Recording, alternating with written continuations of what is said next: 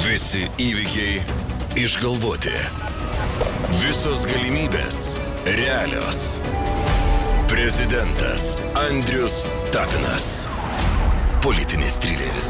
Visose knygynuose.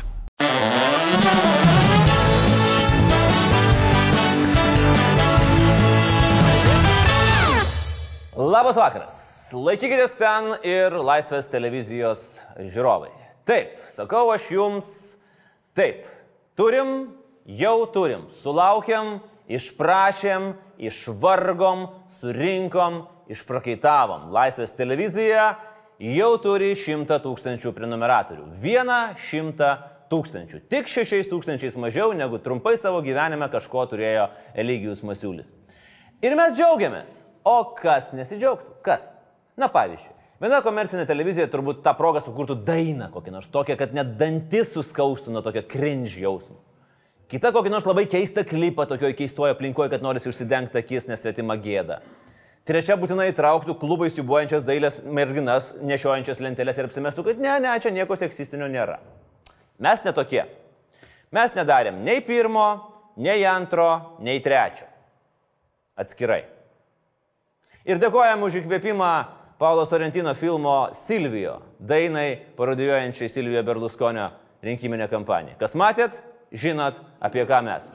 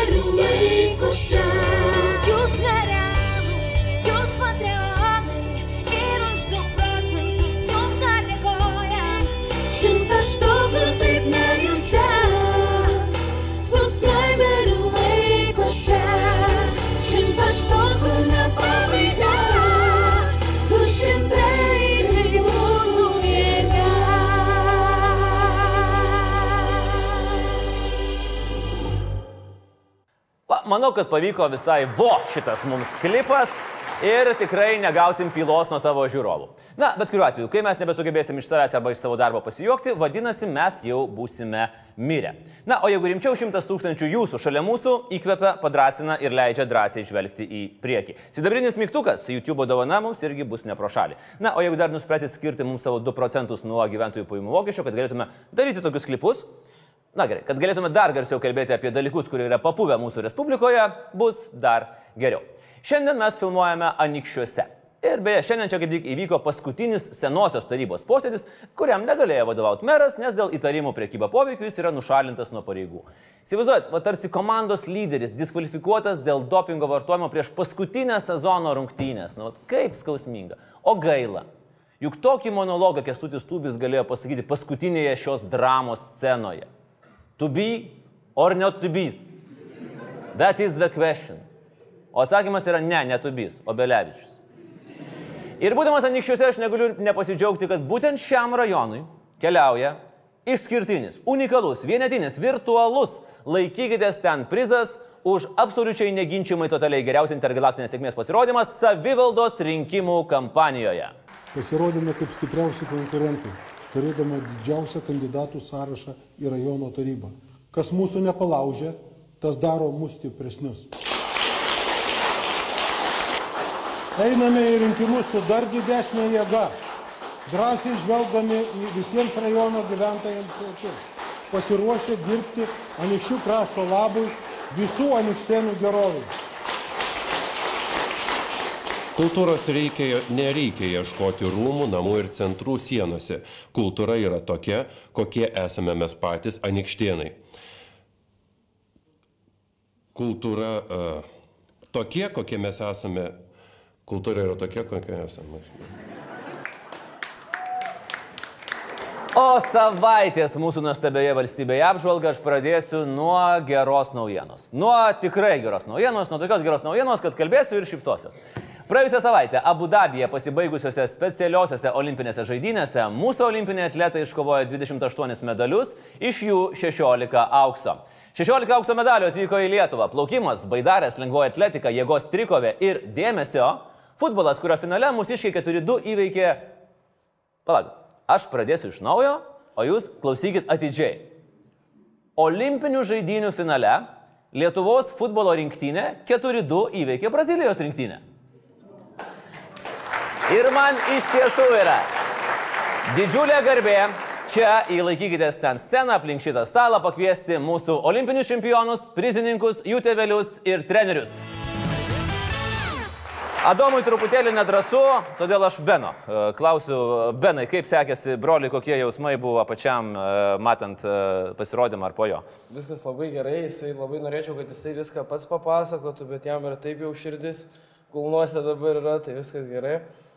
Tai labai norėjau, kad jisai laimėtų, aišku, tikėjau, kad jis gali laimėti, bet negalvojau, kad va, 3 iš 3 ir bus aukso medaliai ir labai džiaugiuosi dėl jo. Jisai mano didžiausias pasididžiavimas dabar gyvenime ir šiuo metu yra. Kristupai. Dar vienas plaukimas, kaip pačiam įspūdžiai? Į... Ačiū, puikiai, puikiai. Aha. Ir aš žinau, kad atėjot ne, Kristupai, ne tuščiomis. Taip, aš palaikysiu mikrofoną. Žinau, kad jūs pasiruošęs esat ir um, eilėraštį. Taip. Labai gerai.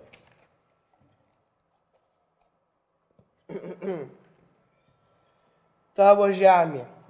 Kad šalis man brangiausia, tu man graži kaip visada, kiek tavo akis yra apvalios, tavo burna man kaip siela. Žemė, tu brangi, šalis tu ir be turtų esi maloniai. Tu tik man esi tik viena, kaip mėlynos spalvos, menulio dargana. Bravo, bravo. Labai puiku, labai gražu.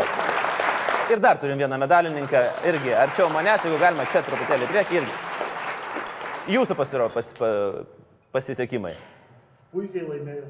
Puikiai laimėjau e, pusantrą kilo, e, daug treniravomės, e, kar, karštis e, trukdė, nes karšta buvo. Bet laimėjot. Jo. Tai ką, ačiū visiems, ačiū mums tikrai didžiulė garbė, kuris atvažiavo čia su medaliais, kad jūs, kad jūs mūsų trispalvę keliat Abu Dabyje ir didžiausios sėkmės gerinkit savo toliau rezultatus. Ačiū visiems, ačiū jums, ačiū. Plojimai dar kartą mūsų čempionams. Ačiū.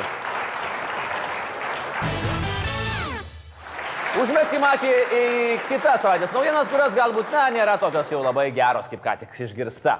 Lietuvoje vis labiau plintant timams, paaiškėjo, kad jais neseniai persirgo ir neįvardintas Seimo narys. Mes bandėm išsiaiškinti, kuris iš Seimo narių tai galėjo būti. Nu kaip, aiškinamės. Analizavom posėdžių lankomumo protokolus, galėsim, galvojom, atseksim, nu, kas nesilanko Seime paskutiniu metu. Nu kur tu ten atseksi? Niekas į posėdžius nevaikšto štai. Ir Seimo posėdžių lankymas, o tiksliau, nelankymas, yra tikrai rimta problema. Ir parlamentas pats svarstė statuto pataisas, kurios nustatytų, jog už posėdžių nelankymą Seimūnams būtų mažinamas atlyginimas. Statuto pataisoms nepritarta, nes posėdėje dėl nedalyvavimo dalyvavo tik šiek tiek daugiau nei pusė narių. 45 susilaikė Seimo salėje, dar 62 susilaikė nuo atvykimo į Seimo salę. Mūsų žiniomis net Seimo pirmininkas Viktoras Pranskėtis kai kurių Seimo narių iki šiol gyvai gal net nėra matęs.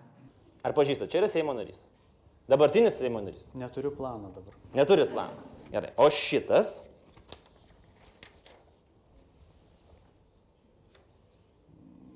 Matytas kažkur. Taip, žinau. Gerai. Ir tada pas... Neegzaminuokit pavardžių. Ne. Iš... Žinau, kur sėdė, taip. Ir šitą žinau, kur sėdė, taip. Gerai. Čia visi trys Ne ten, kur jūs pagalvojate. nuskambėjo labai dviprasmiškai. Nu, nieko tokio. Čia visi trys tiesa jūsų frakcijos nariai, tai bet um, detalės. Timų, skiepų ir sveiko proto problema irgi tampa labai rimta, ypač parlamente. Balandžio pirmą dieną ir čia ne pokštai, Seimo narys Kepenis ir tikrai nelinksmai garsėjantis antiskiepų viršila Kiguolis neseniai platinęs savo antiskiepų video su užrašu Breaking News, kiek Andrius Tapinas nužudė žmonių.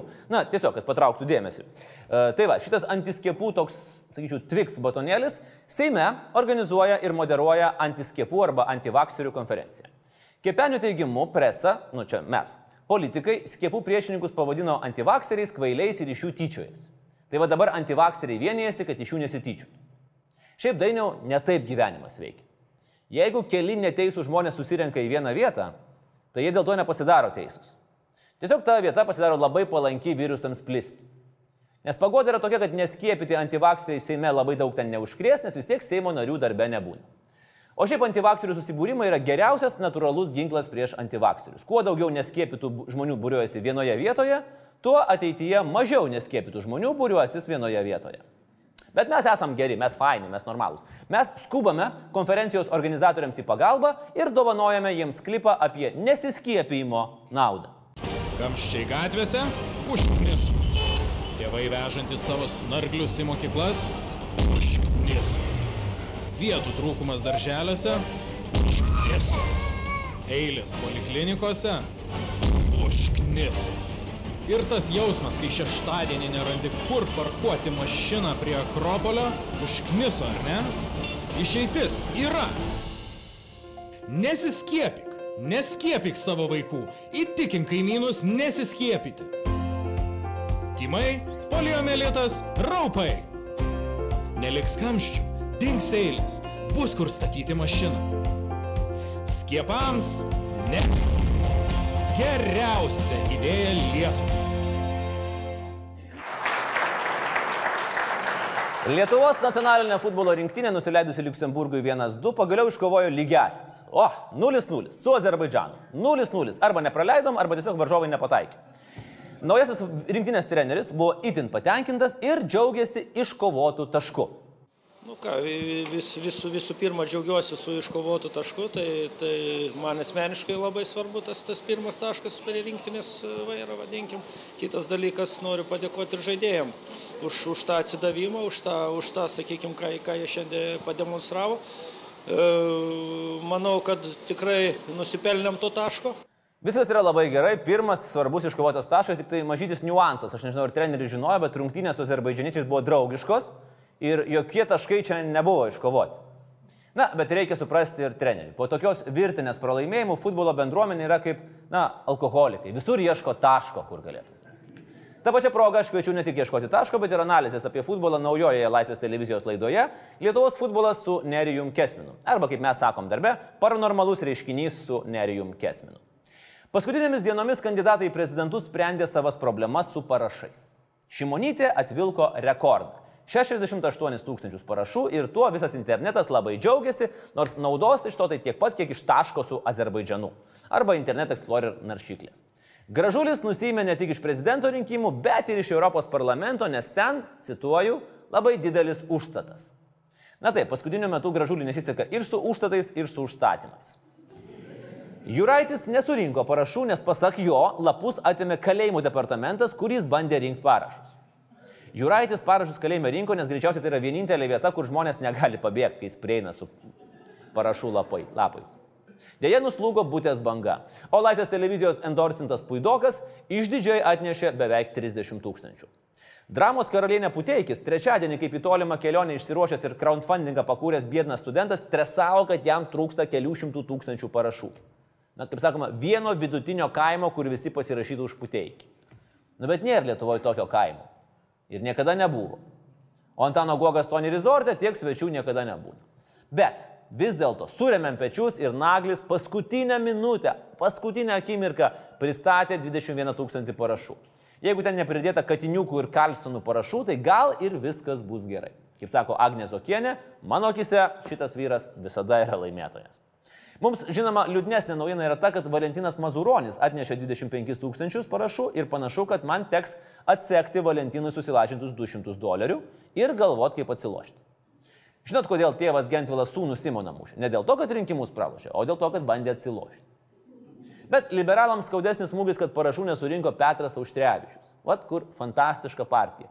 Turi 7,5 tūkstančio narių ir tie nariai net savo dviejų artimųjų nesugeba įtikinti pasirašyti.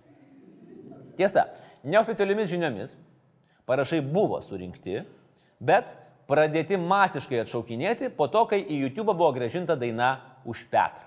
Už Petrą, už Petrą, už Petrą balsuosim, visi balsuosim už Petrą, visi balsuosim už Petrą.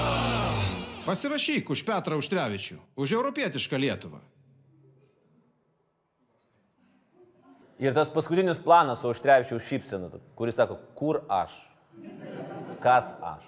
Bet Eugenijus Gentvilas, manau, iš to, kaip visada, dramos nedaro. Saulis Kvernelis, užbėgdamas už akių žurnalistų rengiamam paviešinti tarsi kompromatui apie Praimo praeitie gautą tarnybinę nuobaudą, ironizuodamas Facebook'e pasidalino savo pažymių knygelės įrašais ir pareiškė, jog atėjo metas prisipažinti, jog mokykloje jis yra gavęs pastabą, kad nevykdo mokyklos ir klasės vadovo reikalavimų. Sauliau, viskas čia tvarkoj, viskas ok, beveik disidentinė veikla, bet tai buvo mokykla. Įdomu, kas būtų, jeigu dabar, pavyzdžiui, Saulis pamėgintų nevykdyti savo klasės vadovo reikalavimų. Na, bet mes žinom, kad taip nebus, nes pinigai rinkimams patys be Ramūno nesusirinks. O kaip galėjo atrodyti ir kitų politikų pažymių knygelės ir kokios ten pastabos ir galbūt kokie pagirimai galėjo būti įrašyti. Na, Ramūno Karbauskio pažymių knygelėje greičiausiai galėjo būti pastaba. Ramūnas viską žino, bet nesako ir apsimeta, kad yra žalias. Ir šiaip tarp vaikystės ir dabarties, vėlgi, jam turbūt nėra labai didelio skirtumo. Jokios kavos, jokio alkoholio.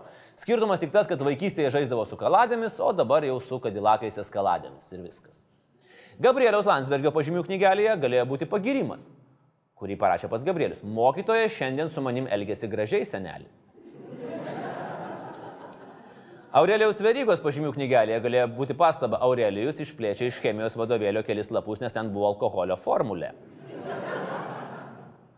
Susisiekimo ministras Rokas Masiulis atleido Klaipėdos uosto vadovą Arvidą Vaitskų, pralaimėjusi Klaipėdos miesto mero rinkimus Vytautui Grubliauskui. Atleidimo priežastis paaiškėjo, jog Vaitkaus rinkimų kampaniją rėmė įmonių turinčių tiesioginių interesų uoste atstovai. Nes matot, kartu žaisti tenisą ir kartu žaisti rinkimus ne visai tas pats. Va tau ir prašau gamtos įvairovė. Kestutis Mažyka prapila mero rinkimus Mariai ir iš karto siūlomas aplinkos ministrų. O Vaitkus net ir po pralaimėtų rinkimų net ir darbo netenka. Kaip pasakytų Gediminas Kirkilas, yra pralaimėjimas ir yra pralaimėjimas. Įdomu, kad tą pačią dieną, kai buvo atleistas, Vaitkus, Masiulio nurodymu, buvo apdovanotas 20 tūkstančių eurų premija už gerus darbo rezultatus ir gerą darbo pareigų vykdymą. Vaitkus turbūt buvo toks geras vadovas, nu, toks, ger, toks geras, kad net uostui per geras. Va, va koks jis buvo geras. Net uostas tiek nesugeba uždirbti, koks Vaitkus buvo geras vadovas. Ir dėl to teko atleisti. Pats Masiulis sako, jog netmeta situacijos, jog toks sprendimas jam gali kainuoti postą, mat Ramūnui šitas pokštas labai nepatiko. Ramūnas su Saulim sako, kad priegaištų turi daug, tik tai ne dėl Vaitkus. Hm, tikrai, ne dėl Vaitkus. Problemų kelia Lietuvos pašto veikla ir žvyrkelių asfaltavimas. Na, dėl tų žvyrkelių matyt su ministerija įvyko nesusikalbėjimas, nes pasirodo, kad kelelis nedulkėtų yra netostas, o oficialus vyriausybės nurodymas. Beje, aš žinau, kas galėtų sutvarkyti žvyrkelių problemą. Yra vienas geras, nu labai geras vadovas. Nu labai labai geras vadovas ir dar be darbo. Europarlamento rinkimų naujienos.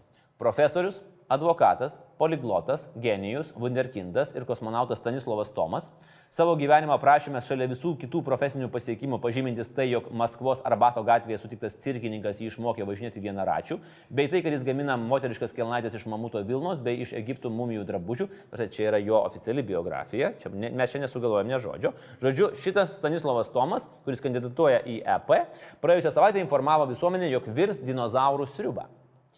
Ir išvirė. Nuotraukoje matote sriuboje plaukiantį 112 milijonų metų spinozauro kaulą. Dabar laukiat pokšto. Gal jūs geriau balsuokit atsakingai, jeigu šies mėnesį. Andrius Kubilius neišrinktas Europos tarybos generaliniu sekretoriumi. Bloga žinia Lietuvai, Kubilius lieka pas mus Lietuvoje. Nei Eurocapas, nei Eurovizija, nei Europos taryba mums taip ir lieka nelaimėtos. Panašu, kad iš lietuvių Europoje aukštai šokti gali tik vienintelė airinė palšytė. Na, bet įsivaizduojat, kas būtų, jeigu Kubilius būtų išrinktas į Europos tarybą. Juk Britai taip susiparintų, kad be maž iš karto sutartų dėl Brexito. Dėl fuck this shit, we're out. Ir beje, laikas mūsų reguliariai rubrikai, o tuo metu Briuselėje, kuris skirta papasakoti jums, kas yra Europos parlamentas, į kurį susirašė daktaras Stanislavas Tomas. Kadangi nespės prabėgti porą mėnesių, o mums reikės spręsti, ko reikia nuo Lietuvos Europai - dinozaurų kulinarijos ar normalių tautos atstovų. Praeitą kartą žadėjau, kad paaiškinsiu, kodėl EP yra vienintelis ES kūnas, į kurį atstovus renkate tiesiog. Žiūrėkit, yra trys tokie kūnai. Pats viršiausias yra ES taryba. Ten posėdžiauja visų 28 šalių atstovai. Nu, okei, okay, 27. Nes Britai yra dabar kaip ir pakabinti Iš vienos pusės jie formaliai posėdžiauja, iš kitos pusės jiems prašo susilaikyti, kai sprendžiami ateities klausimai. Ir pavyzdžiui, kai praeitą savaitę Brexitas svarstė, tai vakarieniavo tik 27, o Terezai May maistą supakavo ir nunešė į atskirą kambarėlį. Nu toks gavosi take away and go away. ES taryboje priklausomai nuo posėdžio temos gali posėdžiauti prezidentai, premjerai, ministrai. Taip, mano myli. Taip. Įsivaizduokit, kad jeigu kas nors Petrą Gražulį paskirtų, pavyzdžiui, švietimo, mokslo ir sporto ministru, jis irgi ten posėdžiautų. O Europą žiūrėtų didelėm akim. Kitas kūnas yra Europos komisija. Jie sudaro visų šalių vyriausybių skiriami valdininkai. Na, ta prasme, paskirt gali politiką, bet tada jis ten taps valdininku. Dalia Grybauskaitė. Tai pradėjo keliai prezidentės. Dabar bando Vitenis Andriukaitis nueiti tomis pačiomis pėdomis. Nes kadencija eina į pabaigą ir, žodžiu, visiems baisiai įdomu, ką skvernelis paskirs naujoju eurokomisaru nuo Lietuvos. Nu, aišku, kad paskirs Ramūnas, bet nieks apie tai viešai nekalba. Ir tik Europos parlamentas yra renkamas tiesiogiai. Ir tik gegužės 26 dieną galėsi pasakyti, va, o, noriu, kad man ten atstovautų tas arba ta. Ir tai nėra rinkimai, per kuriuos tu tiesiog treniruojasi taikliai įmesti biuletenį į urną. Tai ne tas pats, kas draugiško su Azerbaidžanu. Tai yra kova ne dėl hipotetinio taško, o dėl visos Europos ateities. Tiek Bruselėje dabar grįžkime į Lietuvą. Savaitės nereikia taip daryti. Rubrikos nugalėtojais mes kelbėme Klaipėdos rajono policijos pareigūnus. Dar kartą pakartoju, labai mylim ir labai gerbėm mūsų policiją, kurios šūkis ginti, saugoti, padėti yra tikrai daugiau negu šūkis. Bet, Hebra, kas čia buvo? Policija visą kovo mėnesį varinėjo po Klaipėdos rajono mokyklas ir ieškojo pas moksleivius cigarečių. Ieškojo su tarnybiniais šunimis. Dar trūko tik raitosios policijos ir aro ant stogų. Ir straipsnėje aprašoma, kaip pas vieną 17 metį rado tris cigaretes su šunim. Pas vaikinuką, kuris po metų jas galės legaliai pirkti, bet tikrai nebepirks, nes rankos vis dar drebės. Tai čia mes taip ginam, saugom ir padedam. Nauja knyga - Trys lengvi būdai mesti rūkyti. Jums reikės policininkų brigados, kinologų su šunimis ir elektrošoko. Rašoma, kad per reidus septyniose mokyklose buvo užfiksuoti devyni pažeidimai susijęs su cigaretėmis. Aš labai tikiuosi, kad šitiems devyniems jauniesiems recidivistams tai bus gera, gera, gera pamoka. Kad rūkyti reikia ne cigaretės, o aikosus ir tada niekas nepas- nepastebės. O dabar pagrindinė mūsų tema - Brexit, kuri galutinai užknyso. Ačiū tau, Valentinai. Užknyso. Kodėl būtent šiandien ir kodėl būtent Brexitas? Nes iš pradžių, na gerai, kodėl šiandien? Nes, nežinau, Skaisgirio serialai, Kepenio kalbos ir nacionalinio stadiono statyba, kuri užaugino daugiau pagrindinių veikėjų negu serialas Lost, vis tiek yra netiep keista kaip Brexitas. Faktiškai kiekvieną laidą per pastarąjį pusmetį mes galėjom skirtam prakeiktam Brexitui ir vieną dieną mes susirinkom, patilėjom ir supratom, kad arba dabar, arba tas Brexitas ir toliau paskui mūsų sekios. Na, kaip sekioja, pavyzdžiui, šitie ančiukai.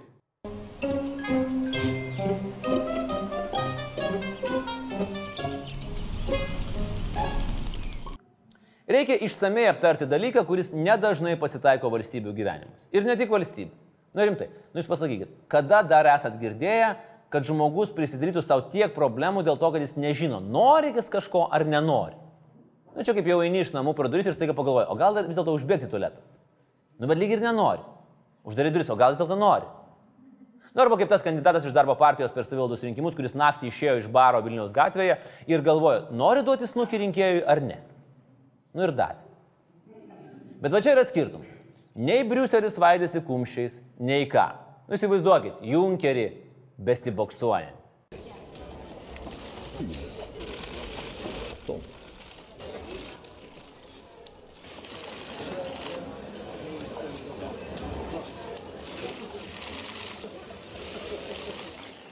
Na, nebent tai būtų girto meistro kung fu mokykla.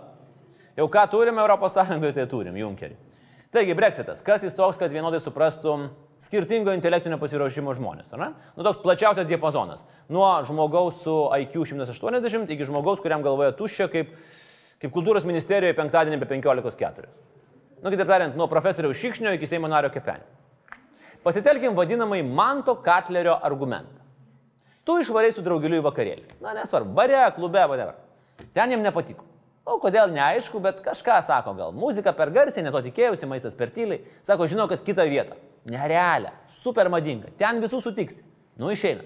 Tada paaiškėja, kad jis nežino, kaip ta vieta vadinasi. Ir kaip nueiti ten irgi nežino. Nu, okei, okay, einat atgal. Nebeįleidžia.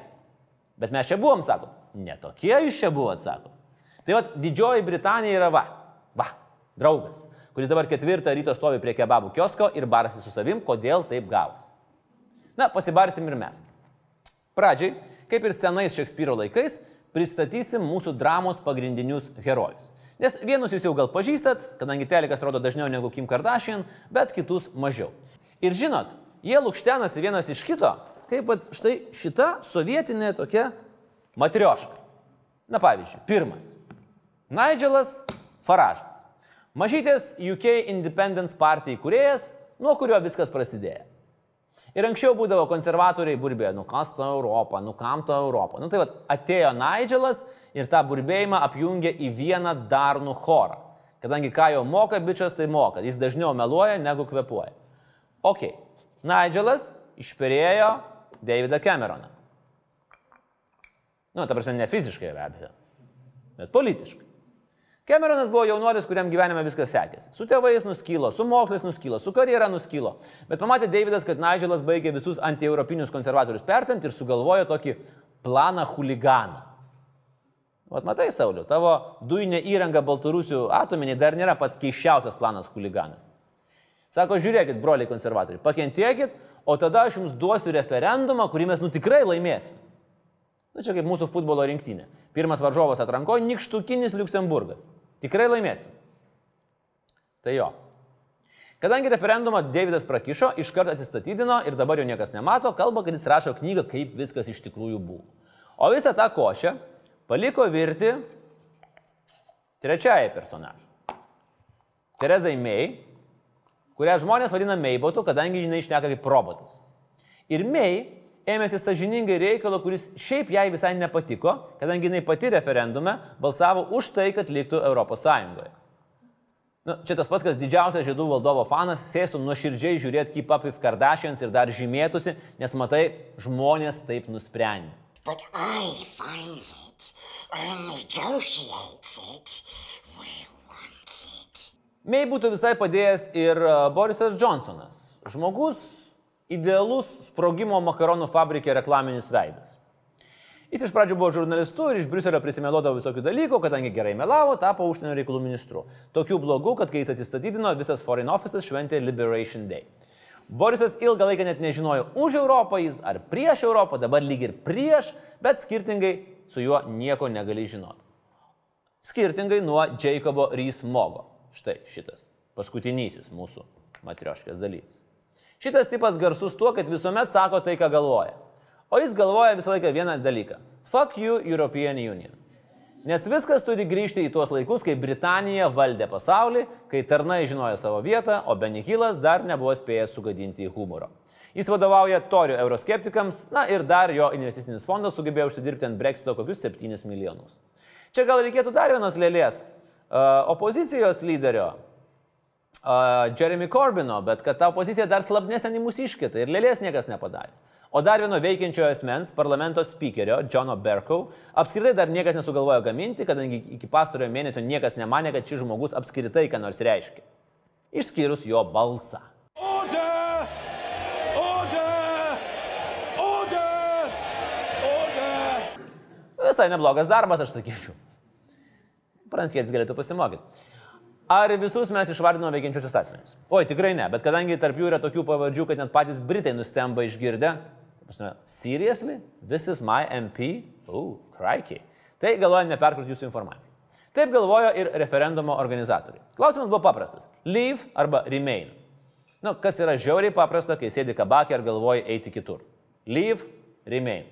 Čia baigėsi alus, muzonas per garsus, 3 mergos 15 bičių. Mm. Bet išėjus sunku rasti bus dar nors dirbančio ir šiaip jau prašvito ir 8 ryto merginų žvalgytis nelaikas. Nu, kaip suprantate, netgi tokiu atveju leave, remain nėra taip paprasta. Jūs įsivaizduokit Lietuvoje va tokį referendumą. Dizelis ar dujos? Prusaitis ar Jerutis? Palanga ar Nida? Taigi susipjausim, ne, negyvai susipjausim. Stos brolis prieš brolį. Jeigu jiems nepaaiškinsi, kad ne visuomet dizelis, o jeigu dujos, tai jis tau įmontuos kvernelis. O Britams niekas nieko neaiškino. daug pasakojo. Pagal vienus, išstojus iš ES stos rojus. Pagal kitus - pragaras. Nu tai žmonės, aišku, pasirinko rojų. Na, pragaras ir rojus. Visi puikiai žinom, ką tai reiškia. Pragaras, šeštadienio rytas, atsibudai, piniginės nėra, gerkliai mamutų tualetas, į duris skambina policija. Rojaus dar niekas nėra išbandęs, tai galbūt dėl to ir noris. Kas įdomiausia, kad pats referendumas buvo patariamasis, tai formaliai vyriausybė galėjo paimti rezultatą, nusišnypšti ir surušiuoti kaip komunalinę atliką, bet nepadarė ir dabar labai gailisi, kadangi vos tik tai įvyko referendumas, parlamentas nubalsavo dėl 50-osios ES sutarties straipsnio aktyvavimo, kuris pradeda išstojimo procesą. Na, ta prasme, tu nežinai dėl ko dėrėsis, tu nežinai kaip dėrėsis, bet vis tiek pradedi. Nu, kažkas juk vis tiek gausis. Man tai primena taip, kaip mes darom savo laidas. Britai iš pradžių norėjo dėrėtis dėl ateities santykių, o tik po to, kokiu rakursu paliks ES. ES sako, ne, Hebra, palaukit. Jūs pradžiai susitarėm, kaip jūs išeinat, o tada jau tarsimės, kaip gyvensim rytoj. Nu, panašiai kaip norint perdažyti grindis kambaryje, pirmą perdažai ir tada išneši pienyną, ar pirmą išneši pienyną, o tada perdažai. Na, ar daiktai skirybų atveju bus dramatiškai išmetami į gatvę per langą, ar gražiai supakuojami į lagaminą ir išnešami už durų. O jau tada kitą dieną spręsim, pas ką gyvens šuo. Dviejus metus vyko dėrybos. Pasikeitė trys Britų ministrai atsakingi už šitą malonumą, už kurį įdomesnis nebent dėl kelių šviežumo tikrinimas savo sėdmenimis. Vieni Britų diplomatai pražilo. Tie, kurie jau buvo žili, išėjo į pensiją. Tie, kurie jau buvo pensijoje, dėkojo laiku atėjusiai senatvai. Ir dabar mes turim tą garsų į Teresijos Mei dylą, dėl kurio visi yra tos pačios nuomonės kaip apie Lietuvos futbolo rinktinę. Gali ginčytis, kas blogiau - gynyba, saugai ir polimas, bet visiems aišku, kad šiaip bendrai paėmus blogiau negu blogai. Bet ar jis iš tikrųjų toks blogas? Na, norėjo Britai užraukti laisvą asmenų judėjimą. Užraukė. Norėjo pasitraukti iš bendros rinkos. Pasitraukė. Norėjo išeiti iš bendros žemės ūkio politikos. Išėjo. Norėjo pasiūsti toli toli Europos teisingumo teismą. Pasiuntė. Na čia kaip ir skirybas. Vėlgi, gauni ir šunį, ir televizorių, ir pieniną, kovojai. Ir tada galvoji, o kam man to viso reikia? Na, mainais, aišku, perinamasis laikotarpis ir keliasdešimt milijardų, kuriuos UK yra ir bus skolinga Europai pagal ankstesnius įsipareigojimus. Na ir aišku, labai įdomus Šiaurės Airijos marazmas. Problema ta, kad siena tarp Airijos Respublikos ir Šiaurės Airijos tampa ESO ir UK siena. Tai turi būti su visais tais, žinot, pagražinimais. Mūtinės, pasienio postai ir panašiai. Nes nebeliko laisvo judėjimo. Bet yra problema, kad didžiojo penktadienio susitarimas, kurio baigėsi Troubles Šiaurės Airijoje tarp katalikų ir protestantų, numato laisvą ir keurą sieną. Nu, žodžiu, problemėlė. Ir niekas nežino, kaip išspręsti. Ir ta problemėlė pastarąjį pusmetį ėmė va- varyti Britų valdžią iš proto. Du kartus teikė balsavimui, du kartus gavo į kaudus taip, kaip dar niekas nėra gavęs. Tereza Mei su tikro roboto užsispyrimu norėjo ir trečią kartą teikti tą patį dylą balsavimui. Na, žinot, tas pats, kas du kart ėjai pirštis merginai. Su odekalonu, su gėlėm, su tom pačiom koinėm. Du kartus į tave išmetė pro duris. Ir eini trečią kartą, nes galvoji, kad jeigu jinai tavęs nemyli, tai po trečią kartą išsigas, kad tu nuolat taip vaikščius ir tada ištekės. Sėkmė? Ne. Nes kad ir kiek kartų eitum žiūrėti filmo Moteris meluoja geriau, jis visus kartus bus vienodai blogas. Bet tada parlamento speakeris Jonas Berkow išsitraukė daugiau nei 400 metų senumo precedentą.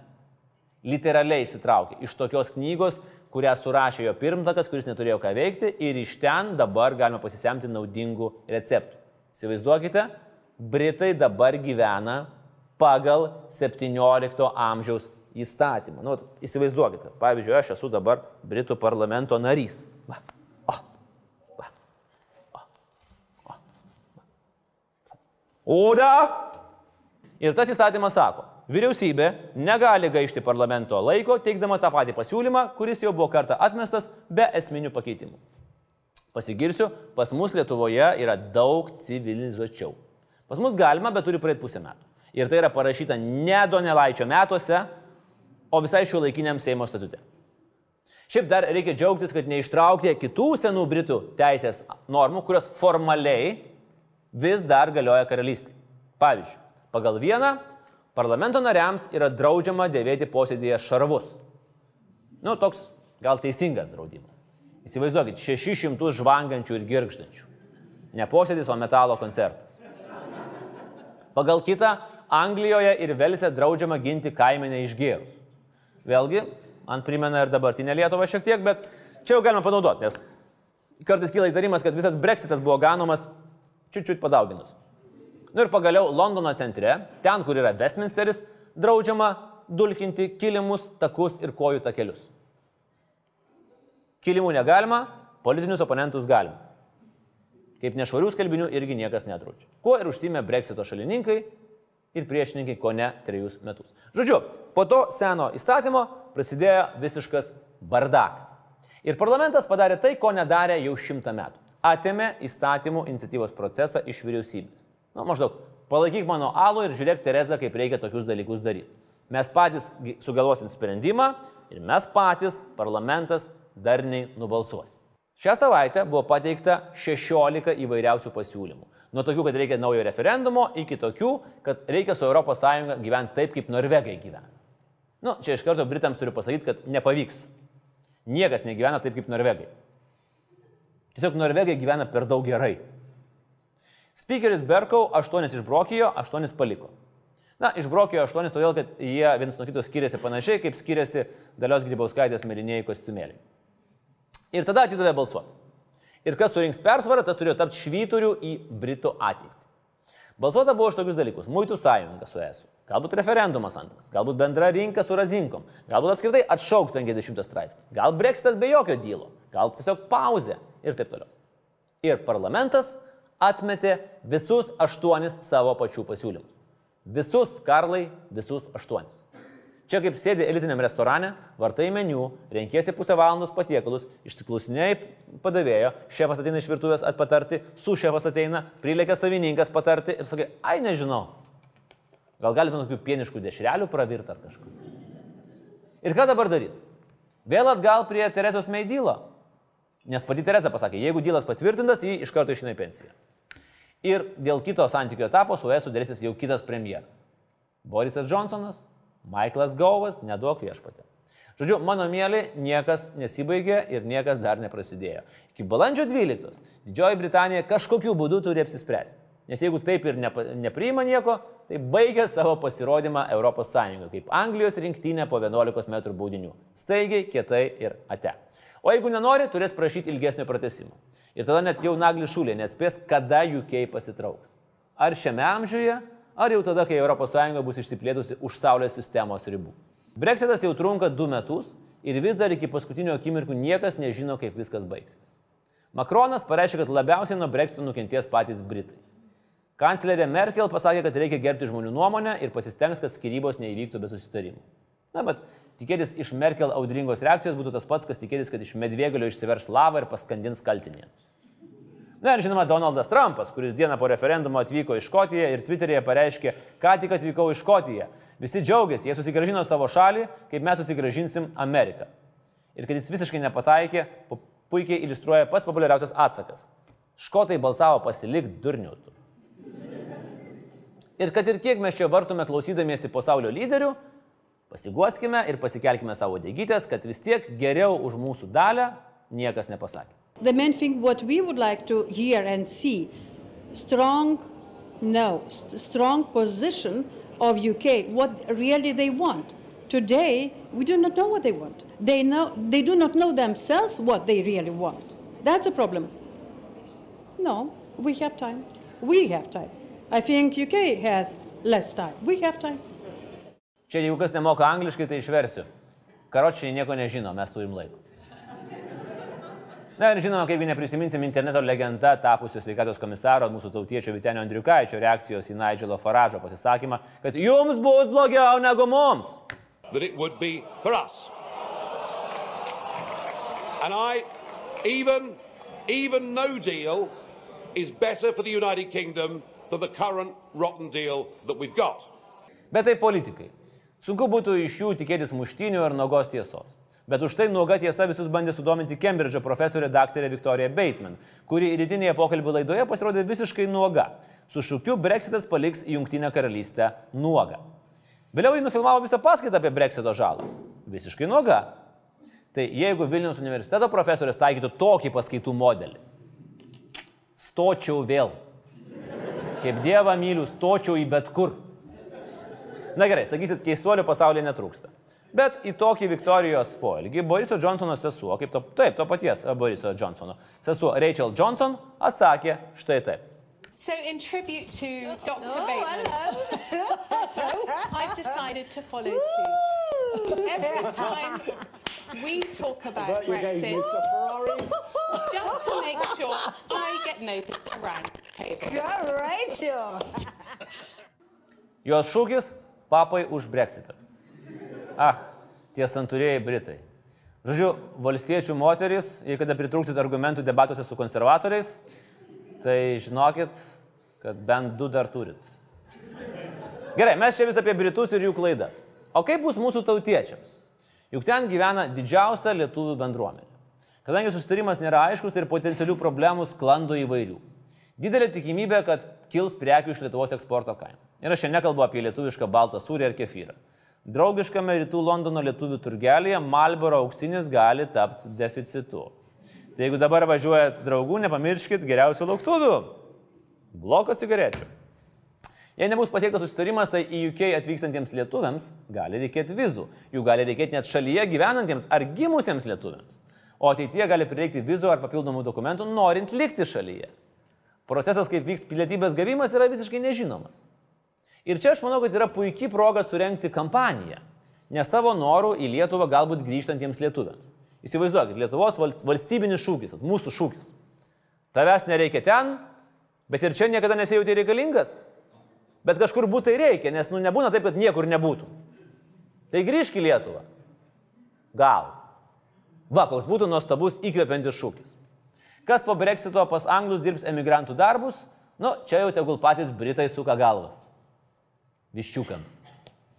Kas dar keisis? Sklando gandai, kad galbūt kils mokslo kaina. Tad galite sakyti bye bye savo nemokamoms kino vadybos studijom Edinburghe.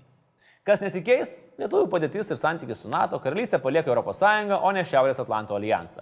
Tai žinokit, lietuviai, jei priimsit Britanijos pilietybę, gali tekti kariauti su Islandais dėl silkių. O tai yra menkių jokai. Na, o lietuviams, kurie sulauks Brexito karalystėje, mes paruošėme štai tokį išgyvenimo rinkinį. Labai naudingas rinkinys. Va. O.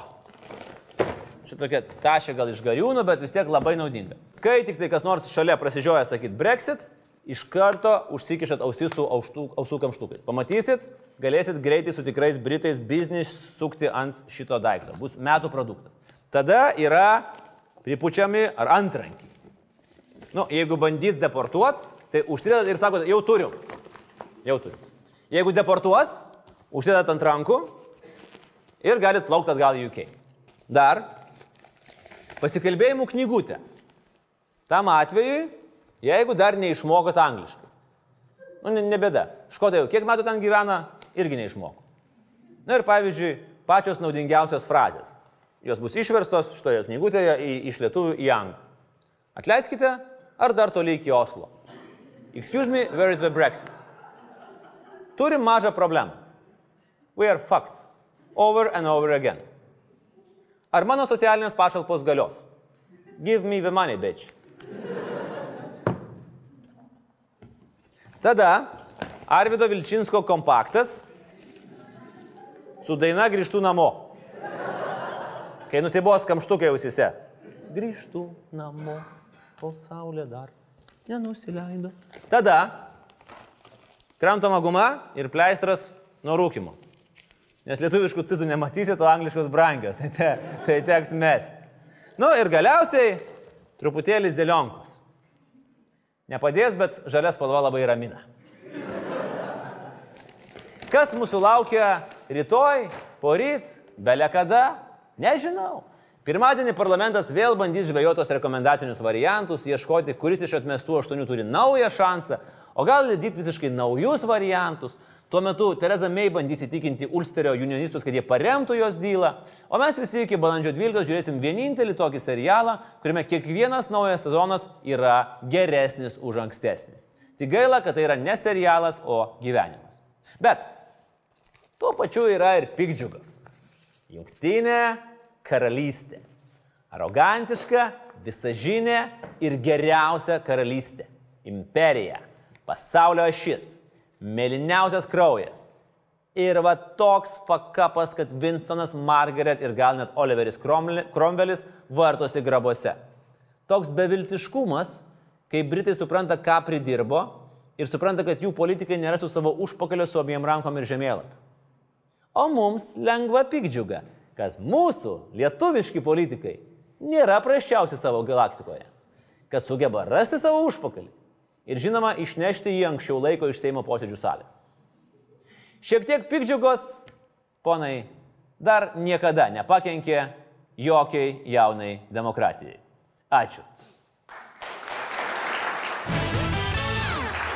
Auga ne tik Laisvės televizijos prenumeratoriai, bet ir laikykitės ten peržiūros ir mūsų remiančių žmonių Patreonė skaičius. Ačiū Jums už tai ir tikiuosi, kad šitos 40 minučių Jums buvo smagios, naudingos ir vertos Jūsų laiko. Iki kito sekmadienio, fantastiškos Jums savaitės. Jauskitės taip gerai, kaip jautėsi puteikis paskutinę minutę surinkęs parašus. Taip, nereikėjo Jums žiūrėti laidos iki paskutinės sekundės, nes dabar visą savaitę galvosit apie jį. Iki, draugės ir draugai.